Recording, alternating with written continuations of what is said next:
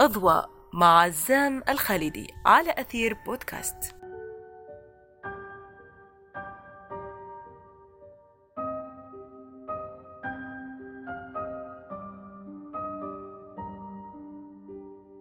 مرحبا.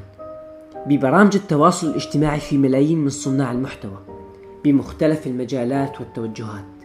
وكل منشئ محتوى بأي حقل كان يستخدم أسلوب معين لطرح الفكرة أو الموضوع حتى يصل للفئة المستهدفة. موضوعنا اليوم عن صناع التفاهة لأنه مساحة حرية الطرح بمواقع التواصل الاجتماعي سقفها واسع فصرنا نشوف آلاف من صناع التفاهة يتصدروا هاي المواقع ويحصدون يوميا ملايين من المشاهدات على فيديوهاتهم. يتزاحمون بين طامح بالشهرة وراغب بالمال وآخر يريد إفادة المجتمع. لكن الغريب هون في آلاف من صناع التفاهة وصلت مقاطعهم إلى مئات الملايين من المشاهدات وملايين المشتركين وما يقدمون باختصار فيديوهات تفسد أخلاق المجتمع.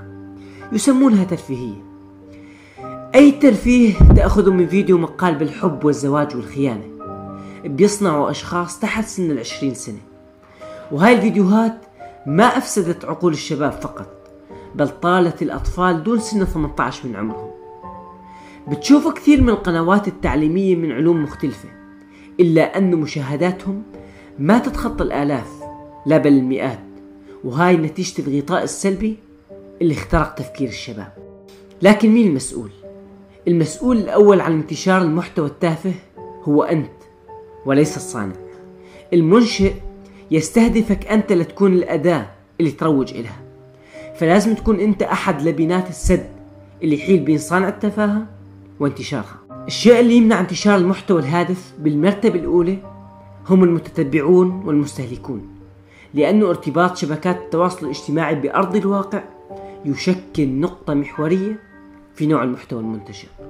واجب علينا التفكير بالعواقب اللي راح تخلفها هاي المشكلة. فالتفاهة ما أمر عادي مثل ما بنظن وإنما مشكلة معقدة وراح تتحول لمجموعة من المشاكل اللي ما راح تنحمد عقباها. واللي راح تشكل تحديات بالفعل فيما بعد للمجتمع. ومن أهم هاي المشاكل هو هدر الوقت لأنه المحتويات التافهة بتضيع وقت الشخص اللي كان من المفترض أنه يستغله بأشياء أخرى كالإبداع والبحث والتفكير وقراءة شيء مفيد مثلا. ولأنك أنت المسؤول فواجب أن توعي الأسرة والأطفال والجيل الصاعد من متابعة هذول الأشخاص. وإنك بتكون حذر من أن تنقاد خلفهم لأنك راح تكون بعدها أحد المتسببين بهاي الظاهرة اللي راح تجتاح المجتمعات.